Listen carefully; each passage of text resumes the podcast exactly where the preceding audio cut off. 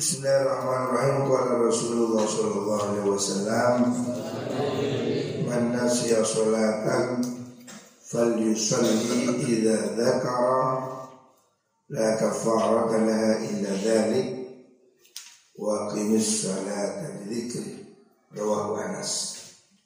Rasulullah sallallahu alaihi wasallam bersabda man utai sapani wong iku nasiya lali sopoman Barang siapa lupa ya, Memang betul-betul lupa.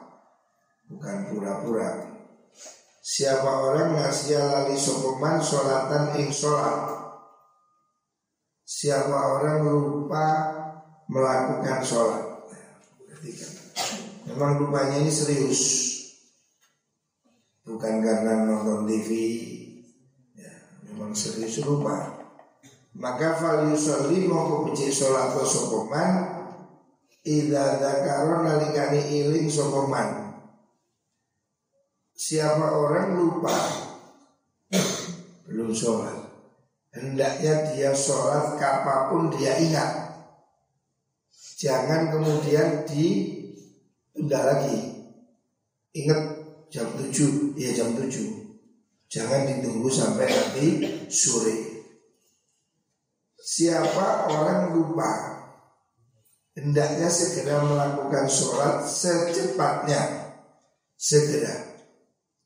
Waktu ingat. La rano kafarat itu wujud Laha kudu sholat. Sholat itu tidak ada kafaratnya. Artinya Orang sholat Lupa Ya segera sholat tidak usah diganti dengan kafarat. Wa aqimus sholat dari zikri Wa aqim lan jumeneng nosiro as-sholat yang sholat Li zikri krono iling maring ingsun. Jadi tujuannya sholat ini supaya kamu ingat pada Allah. Makanya ketika kamu lupa Ingat segera lakukan sholat Ruwahu Anas uh, Ruwahu Anas. Selanjutnya Rasulullah Shallallahu Alaihi Wasallam bersabda, "Man nasiya sholatan, man nasiya wa huwa shaimun fa'akala aw syariba falyutimma shaumah fa inna ma at'amahu wa saqa rawahu Man utai sapane wong iku nasiya lali sapa Barang siapa orang itu lupa memang lupa. Bahwa hal teman iku so imun wong kang moso siapa orang lupa padahal dia itu puasa. Fakala nuli makan sopoman au syaribah atau minum sopoman Memang puasa ini ngamun terus beli soto. Ditambah es degan. Lalu menang, tidak apa-apa kalau memang dia betul-betul lupa. Fal yutimma mongko becik nyempurna sopaman so mau ing iman. Kalau betul-betul lupa ya nggak apa-apa teruskan. Ya. Puasanya silakan diteruskan. Artinya selama dia itu betul-betul lupa tidak ada masalah. Fa inna ma'at amahu angin mesti paring mangan sapa Allah iman wasaqahu lan nginumi sop Allah iman. Memang Allah beri dia makan dan minum. Itu rezeki dari Gusti Allah. Pokoknya betul-betul lupa. Rawahu Syekhan an Nabi Hurairah. Selanjutnya Nabi bersabda, "Man nasara akhahu bi ghaibi nasarahullah fid dunya wal akhirah rawahul bayhaqi man utai sapane wong iku nasara nulungi sapa man? Ahohu ing dulurin man. Bidhahril ghaibi ing dalam tingkah sama Dhahril ghaib itu dengan tidak di depannya. Dengan waktu dia tidak mengetahui Nasorohu mongko bakal nulungi iman sinten Allah Gusti Allah maka orang itu akan ditolong oleh Allah. Ditolong fit dunia ing dalam dunia wal akhirat dan akhirat. Siapa orang nulungi orang lain waktu dia tidak di depannya? Umpamanya ada temannya ini dirasani. Kan kita ini sering ada orang menggunjing orang lain. Jangan kita ikut-ikut nambah kalau bisa kita itu mencegah ya. perhatikan. Jangan suka menggunjing orang lain. Jangan kamu diem kalau temanmu itu dihina oleh orang lain. Kalau temanmu digunjing, kalau temanmu difitnah, kalau temanmu dibully, kamu harus peduli. Tolonglah saudaramu. Kita ini sesama muslim, ojo mentoloan. Sesama muslim ini jangan saling tega.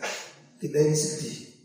Kadang sesama umat Islam tidak rukun. Sesama umat Islam saling menjelek-jelekkan. Kalau memang kamu tidak suka diam, itu lebih baik. Tetapi kalau kamu melihat orang temanmu, umpamanya saya ini sering sering saya lakukan di WA group umpamanya ada orang membuli siapa, saya belain. Tidak, dia tidak begitu. Walaupun orang lain mungkin tidak suka sama saya, saya nggak peduli. Tapi saya melaksanakan kewajiban. Kalau ada teman kita dizolimi, saudara kita dizolimi, kita harus bela. Siapa orang membela saudaranya yang dizolimi dengan dia tidak tahu, maka Allah akan menolong dia di dunia dan di akhirat. Ini sering saya lihat dunia medsos ini menjadi tempat untuk caci maki orang. Kalau kita bisa hentikan Umpamanya kemarin orang membuli si ini saya bilang enggak Ayo kita ngomong lain aja Lebih baik kita ngomong lain, ngomong kerja, ngomong bisnis, ngomong hal-hal yang beruntung menambah manfaat daripada kita ngomongin orang fitnah, riba. Ya. Grup-grup medsos ini sekarang sudah menjadi tempat riba, tempat menggunjing. Orang menggunjing itu, orang menggunjing ini, saling tuduh, saling serang. Apa sih manfaatnya? Tidak ada gunanya. Tidak ada manfaat kalau kamu menjelek-jelekkan orang lain. Tidak ada gunanya. Sama sekali tidak ada kamu jangan merasa kalau kamu menjelekkan orang kamu jadi baik. Itu bodoh. Itu hal yang paling bodoh jika kamu lakukan. Kamu tidak akan jadi baik dengan cara menjelek-jelekkan orang lain. Ya.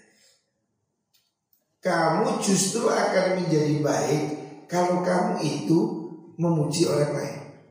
Misal, kamu ada orang disebut, kamu puji dia, Pokoknya orang ini membicarakan uh, tuh Mizan Ada orang bilang Mizan itu jelek tidak baik. Masuk iya menang hari Lihat turun Ada orang itu mesti ada sisi positifnya. Kalau kamu suka memuji Tapi original ya Bukan mengada-ngada.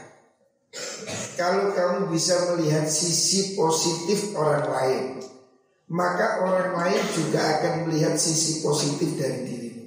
Ya. Ini harus kamu ingat. Ya. Ini rumus pergaulan yang paling tepat. Ya. Pujilah orang lain, maka orang lain akan memuji dirimu. Jelek-jelekan orang lain, maka orang lain juga akan menjelek jelekan pada kamu. Ini hukum timbal balik. Ini kayak jam bandul. Kalau besar kanan, ya kiri. Kalau kamu di mana-mana jelekan orang, kata iko nilokno, kata iko nilokno. Orang lain juga akan begitu pada kamu. Pasti dia balas. Wah itu apa? Apa Orang itu kalau dilihat jeleknya ya pasti ada jeleknya. Ya. Kota Malang ini bagus. Kalau kamu lihat tempat sampahnya ya jelek. Ya. Makanya jadilah mata lebah, jangan jadi mata lalat. Lebah di tempat sampah pun dia akan mencari bunga. Karena matanya lebah, tahu lebah. Tawon itu selalu melihat yang baik. Jadi lebah itu selalu melihat bunga. Sementara lalat selalu mencari sampah. Jadi kamu jangan jadi mata lalat. Orang yang dilihat jeleknya. Orang yang dilihat kesalahannya. Orang yang dilihat keburukannya. Ini namanya mata lalat. Cobalah berpikir positif. Lihatlah kebaikan orang lain. Orang itu pasti ada baiknya satu sisi mungkin dia jelek, tapi satu sisi pasti ada. Ya. Ada satu kisah bagaimana Nabi Isa bersama sahabatnya berjalan melihat bangkai anjing. Yang satu bilang alangkah menjijikkan, yang satu bilang alangkah jelek, yang satu bilang baunya busuk. Nabi Isa bilang apa? Alangkah putih giginya. Jadi bangkai anjing pun ya masih ada positif apa? Giginya putih. Orang positif melihat yang positif. Jadi kalau kamu itu suka lihat orang positifnya, berarti kamu orang positif. Tapi kalau kamu itu selalu lihat orang lain itu jelek, jeleknya aja yang kelihatan, berarti kamu jelek. Kamu mata sampah, kamu mata lalat. Ya. Jangan jadi mata lalat. Di mana-mana yang dilihat sampah. Di kota pun di alun-alun yang indah yang dia cari ya sampahnya. Karena dia matanya mata lalat. Tapi kalau orang itu mata lebah, mata tawon, yang dilihat baik di tempat sampah pun dia mencari bunga. Dia melihat yang indah, dia tidak melihat yang sampah. Lah manusia hari ini banyak yang jadi mata lalat yang dilihat jeleknya aja. Ya. Kalau saya sih lebih lihat positifnya. Ya. Orang ini kalau mau dilihat positifnya pasti ada. Jadi kalau kita ini kok suka lihat orang itu jelek, kok semua orang terlihat pada itu jelek, yang jelek itu kamu. Ya. Yang jelek itu dirimu. Karena kamu tidak bisa melihat kebaikan orang lain. Sebaliknya kalau kamu bisa melihat orang ini positif, oh ini positif, ini baik, ini baik. Berarti kamu pikirannya memang positif. Ya. Makanya Rasulullah SAW bersabda, barang siapa menolong saudaranya, sesama Muslim, sesama mukmin, ditolong, difitnah, kita bantu. Di riba kita hentikan. Siapa orang peduli kepada orang muslim yang lain Maka Allah akan bantu dia Semua kesulitannya di dunia dan di akhirat. Ayo jadi orang yang positif. Sukalah menolong orang lain. Sukalah memuji orang lain Jangan suka menjelek-jelekkan orang lain. Jadilah orang positif.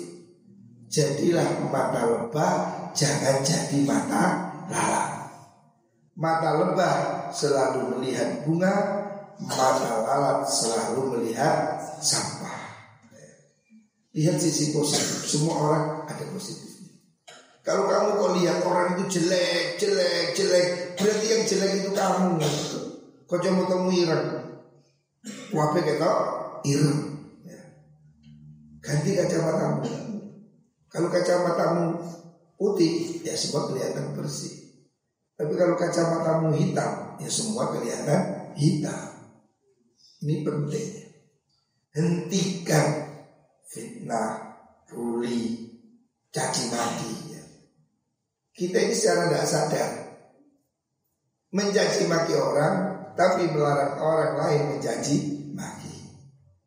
Kita ini melarang orang berbuat anarkis, tapi kita mendukung mendukung perbuatan anarkis. Aneh itu. Mengusir macan untuk dimacani sendiri. Ya bodoh Apa bedanya dengan macan-macan itu? Ini kadang kita nggak sadar. Makanya saya ingin mengajak. Sudah, hentikan.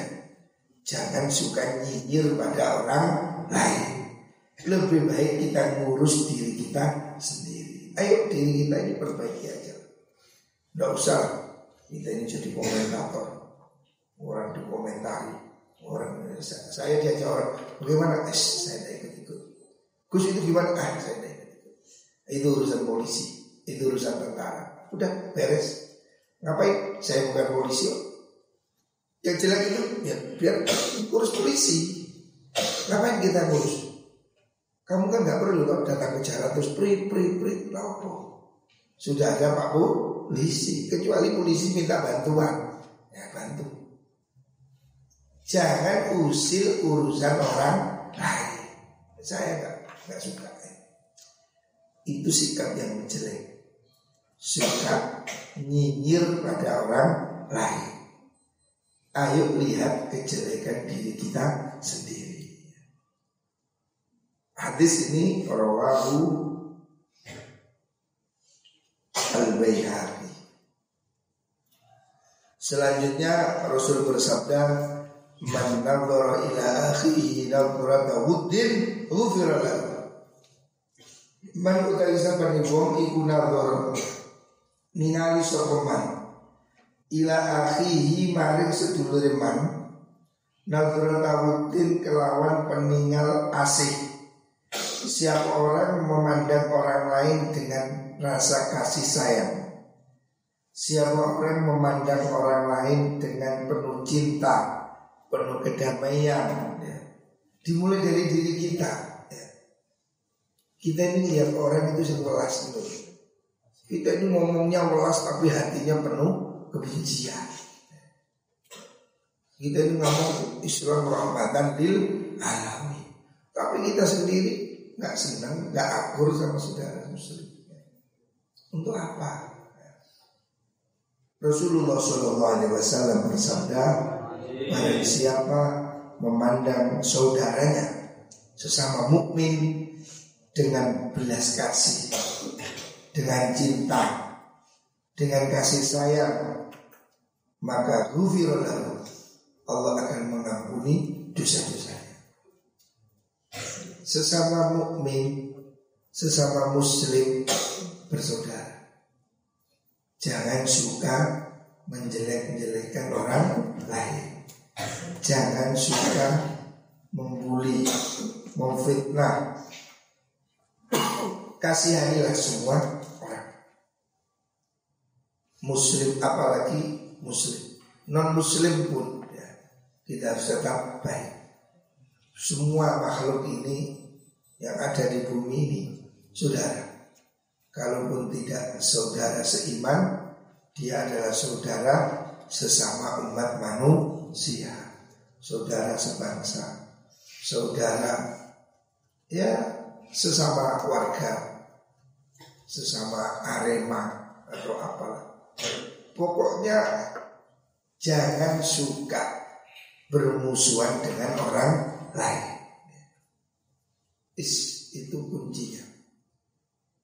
Pandanglah orang lain dengan kasih sayang. Hati kita yang harus ditata. Hilangkan kebencian pada orang mukmin. Kita ini harus berdoa ya. Wala fi qulubina ghillan lilladzina amanu. Jangan ada kebencian pada orang beriman. Walaupun beda partai, walaupun beda ormas, walaupun beda afiliasi politik ya. sesama dia sesama orang mukmin ingat innamal mu'minuna ikhwah semua orang mukmin itu saudara Al-Quran itu Hah? Jangan kita punya hati jelek pada orang mukmin. Makanya doa ini perlu dibaca. Sekarang ini mungkin mulai orang lupa ya. Kita minta ya Allah jangan jadi hati kami ini benci kepada orang-orang mukmin. Itu doa yang harus kita minta. Sesama mukmin jangan saling benci. Ya. Kalaupun beda partai, kalaupun beda ormas, ya. saya nggak mau membenci siapa pun. Kalau dia salah, biar diurus polisi. Salah, ya dihukum. Urusannya polisi. Apa urusan saya? Nggak ada. Biar polisi, biar tentara, hakim, pengadilan, semua sudah. Saya pasrah, saya percaya negara ini kuat. TNI kuat, polisi kuat. Ngapain kita geger sesama umat Islam? Biar polisi bertindak. Kalau dia bersalah, ya urusan polisi. Oh, kalau dia bersalah, hukum yang akan menindak. Kita tidak usah menabur kebencian. Rawahul Hakim Ibnu Selanjutnya kalau Rasulullah SAW man nafasa an gharimihi aw maha anhu kana fi dhillil arsy yaumil qiyamah. Man utai di wong? Iku nafasa. Nafasa itu memberi kelonggaran barang siapa memberi kelonggaran memberi kemudahan ala anghorimihi saking wong kang utang iman. Maksudnya kalau ada orang punya hutang, berilah dia tempo, berilah dia kesempatan untuk minta waktu. Jangan dipaksa, jangan disuruh jual rumah. Ya dia belum mampu, beri kesempatan lagi, beri kesempatan lagi. Barang siapa memberi kesempatan kepada orang mukmin, kepada orang yang buta, au maha utawa lebur sokoman yang mengkulo goreng, apalagi dia mau membebaskan. Kalau bisa itu kasih tempo, apalagi dibebaskan. Ada teman pinjem, memang dia nggak mampu, ya udah nggak usah dibayar. Ya udah bayar separuh.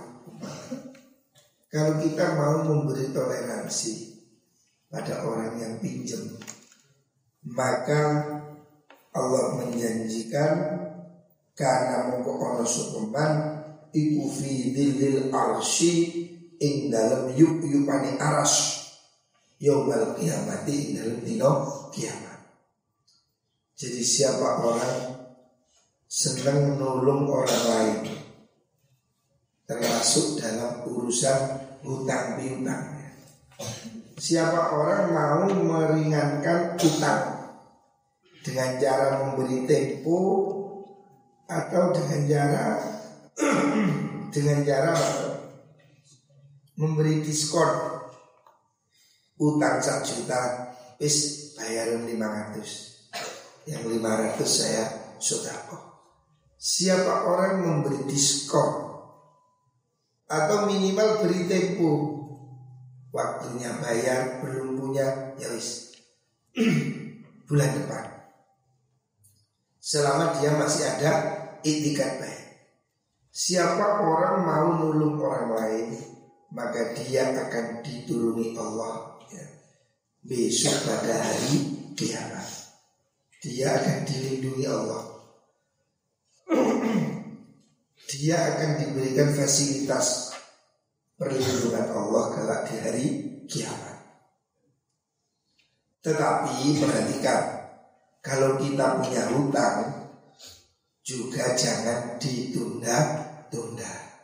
Yang menghutangi sunnah beri kelonggaran. Tetapi bagi orang yang hutang, ojo senang nunda-nunda walaupun tidak ditagih. Kalau kamu merasa punya hutang, bayar. Jangan nunggu ditagih. Kalaupun ditagih jangan bulat. Kadang kalau uang utang ditagih ngamuk. Uang di utang kok ngamuk. Kalau memang kamu punya hutang, ya bayar. Kok kan digremengi, aja bisa bayar bayar. Ya jangan lesu. Uang ditagih kok ngamuk. Ada orang begitu ditagih ngamuk. Kamu punya utang. Kamu punya utang memang wajib bayar. ditagih jangan tersinggung. Umpama jomo oh kon niku yo apa sih? Handphone anyar kak gelem bayar. Yo pengertian. Ojo nesu kene kok oh jariku. Mungkin di utama. Enak men.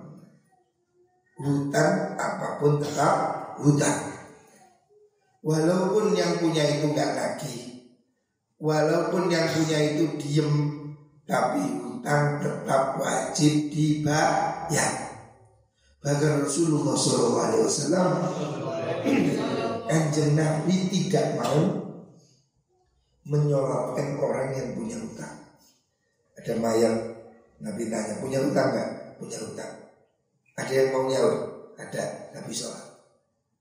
Orang punya hutang nggak ada. Ada yang nyaur? Nggak ada. Sholat orang. Nabi nggak mau nyolati. Ya. Jadi ojo seneng-seneng utang. Utang nang toko, utang nang koperasi. Hmm? Ada pondok kadang sembrono, utang nang kantin. Bangkrut sudah kantin, utang-utang. Jangan suka berhutang. Tapi kalau kamu punya berilah hutang. Jadi memberi hutang ini pahala. Tetapi berhutang itu tidak bagus. Kalau memang mampu jangan berhutang. Apalagi kalau hutangnya itu konsumtif. Hutang untuk beli handphone. Hutang untuk beli? Sepatu jangan ada. Jangan hutang untuk hal-hal yang konsumtif. Ini kebiasaan jelek. Apalagi cuma handphone. Handphone ini biar saya handphone. Ada orang kredit. Sekarang memang kredit ini di mana-mana kredit. Handphone pun kredit.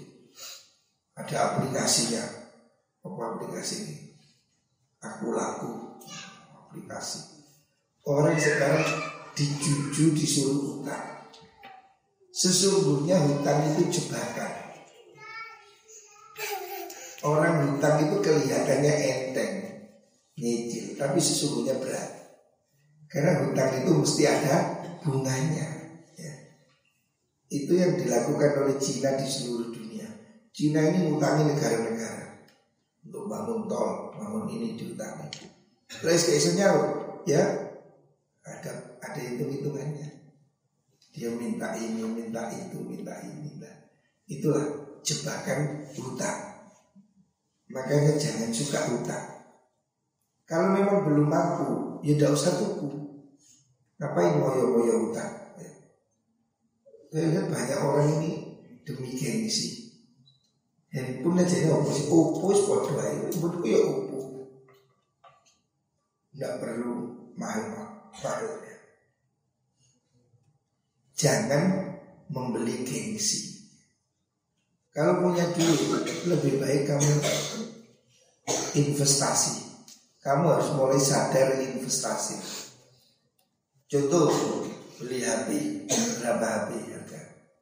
Bawahnya 4 juta. Kalau kamu belum waktunya beli HP, lebih baik kamu beli kambing. 4 juta beli kambing dapat berapa? Mungkin dua ekor. Sekarang kamu beli kambing 4 juta Dapat 2 ekor. Nanti hari raya Kamu jual. Insya Allah laku dua kali lipat. Bisa jadi berapa? 8 juta. Lu ini lu Duitmu berkembang. Tapi kalau kamu beli handphone Ini contoh handphone saya. Handphone Apple kecakok. Nah, Apple. Ini dulu harganya 12 juta Hari ini kalau dijual berapa? 2 juta Gengsi tidak membuat kamu jadi kaya Untuk apa sih? Ini sekarang udah ketinggalan zaman Sekarang sudah ada iPhone berapa? 12 11 sudah ketinggalan Padahal dulu iPhone iPhone 10 itu 25 juta Hari ini berapa? Mungkin second 6 juta Rugi Makanya saya tidak mengajarkan kamu kredit untuk hal-hal yang seperti ini. Itu rugi. Jangan hutang untuk hal-hal yang konsumtif. Lebih baik kamu tabung. Dulu saya di pondok sebelum boyong itu sudah punya kambing empat. Saya punya uang tak belikan kambing. Saya titipkan di alumni, saya titipkan di wali santri. Ya. Usahakan punya investasi. Itu lebih bagus apalagi kamu sudah dewasa sudah mau nikah, sudah kepingin. Jangan buang-buang duit itu hal-hal yang tidak penting. Termasuk beli sepeda motor, tidak perlu. Saya ini ya punya sepeda motor. Itu setelah menikah lima tahun. Nah, saya menikah tahun 95. Saya punya sepeda motor tahun 2000. Tidak punya sepeda motor saya. Sekarang kita ini orang jor-joran sepeda motor, jor-joran beli handphone. Apa sih manfaatnya? Lebih baik belikan sapi, lebih baik kamu belikan kambing, lebih baik kamu sewa tanah, supaya kamu punya nilai tambah. Jangan suka boros. Saya sendiri tidak suka boros. Anak-anak saya juga tidak suka. Saya beli ini anak saya kecil-kecil tidak punya mobil apa mobil baterai. Ini sejak per hari minta mobil baterai. Tidak saya belikan. Untuk apa? Mobil baterai itu bisa pergi ke pasar naik lima ribu selesai. Ngapain saya beli? Nggak mau saya. Jadi jangan kita ini suka hal-hal yang mewah yang konsumtif dari bulannya termasuk handphone. Anak saya itu handphonenya jadul semua Anak saya di Kairo. Mas Tolha. Handphonenya dia pakai handphonenya ibunya almarhumah. Handphone lima tahun yang lalu. Sampai hari ini. Tidak kuku beli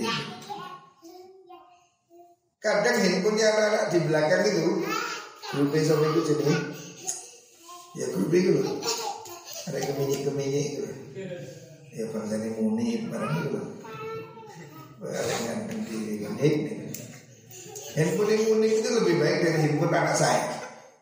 Anak saya itu handphonenya Samsung jadul mulai dulu zaman ibunya almarhum sampai hari ini. Tak delok ada. Omahku handphonenya iPhone. Banyak kemenyan masalah. Ini kebiasaan jelek. Saya nggak bisa beli iPhone terbaru, namun bisanya. Sangat bisa. Tapi saya ya cukup ini. Kalau rusak baru ganti. Saya nggak kalau nggak rusak nggak ganti. Gak usah lah kakek model beli. Kalau ada gaya sok suki sok suki. Delok ibu handphone api api. Ada dapur dapur kuih loh. Karena mau kalian power salah. Kemenyek kemenyek. Daripada beli handphone belikan kambing. Hah?